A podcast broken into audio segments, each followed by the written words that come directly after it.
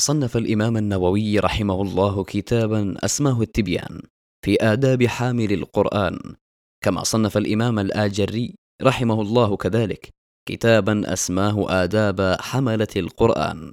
ولأننا لا نحمل القرآن ولا نقرأه ولا نحفظه ولا نعمل به. وانشغلنا عنه بهذا السناب وذلك الواتساب والذي شغل حياتنا بكل معانيها وشبكات التواصل وكل ما فيها. واضعنا ذلك العمر المحدود لنا وتلك الفرصة التي أعطانا إياها الرب عز وجل في الحياة على وجه هذه الأرض الجميلة والتي دمرناها بأفعالنا وتصرفاتنا وأهوائنا وشهواتنا. أحببت هنا على الأقل أن أصنف مقالا في الشروط والآداب على من يستخدم ويحمل هذا البرنامج والذي قد يكون نعمة من الله لنا وقد يكون نقمة. فعلى مستخدم السناب والواتساب شروطا وآداب. عليه الالتزام بها منها من باب الأهم وليس الحصر.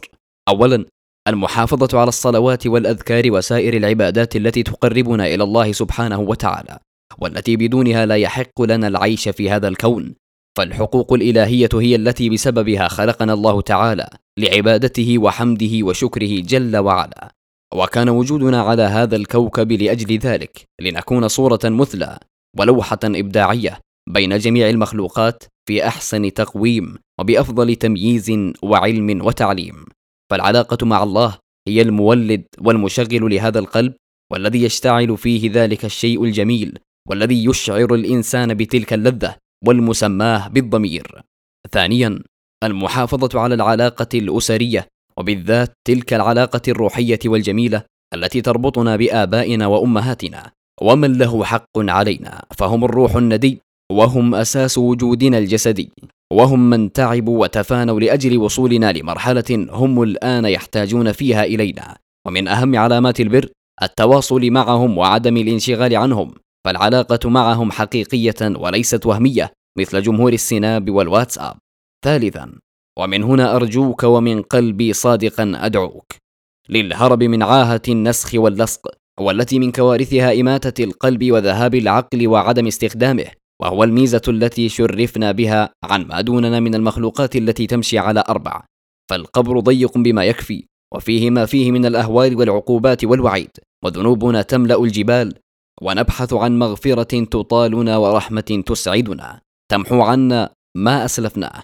فبهذه العاهة تمتلئ الذنوب وتكثر بالذات ما كان فيها من قدح في الذم وسب وشتم وقذف في جميع الأجناس من جميع الأمم. رابعا وحياء أطلب منك. عدم التطاول على من حولك ممن تعرفهم أو ما لم تكن تعرفهم من شخصيات داخل شرفة السناب أو بين أروقة الواتساب. فهذه الكيانات وإن كانت وهمية فهي تعبر عن حياة حقيقية تعيشها بحروف تكتبها وبصور ترسمها وتوثقها على صفحة باسمك وكسمك ورسمك وبتعبيرات تعبر عنك. فلا تنسى وجود الرقيب والعتيد. يسجلون والله وحده من لديه محو ذلك.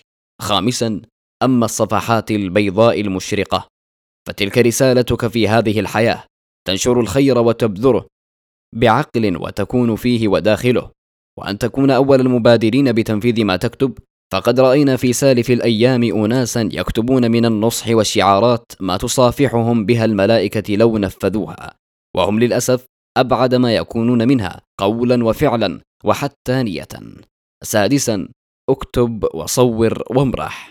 ولكن تذكر أيضا بأن هناك أعين لا تصلي على رسول الله صلى الله عليه وسلم ثاقبة كالرصاص ومشتتة كالإعصار وقاتلة كالسم أجارنا الله وأجاركم منها. بعضها حاسدة والأخرى حاقدة. فهناك من يصور نفسه والنعمة التي هو عليها من ملابس وسيارات وسفريات وأفراح ومناسبات ونعيم مقيم. ولا يدري من يرى ويستمع وينصت ويحسد ويهمز ويلمز من خلف الشاشات القريبة والبعيدة. وكم رأينا من أهوال عاش فيها الكثير وكان سببها ذلك. سابعا وإياك وفضح الناس والعائلات ونشر صورهم وصور عائلاتهم أو فيديوهاتهم.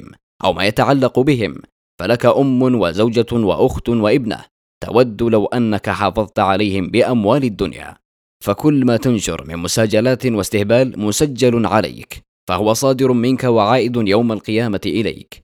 ثامنا فكن قدوة واعلم أن هذه التقنيات وهذه البرامج ألهم الله الإنسان ووضع قدرته فيها لكي تكون اختبارا باستخدامك لها فهي لمن أحسن نعمة ولمن لم يحسن عذاب وعقاب ونقمة فكن صاحب حضارة ورقي مصنعا ومصدرا كبيرا في تعاملاتك وعظيما في تصرفاتك وفي جل حياتك.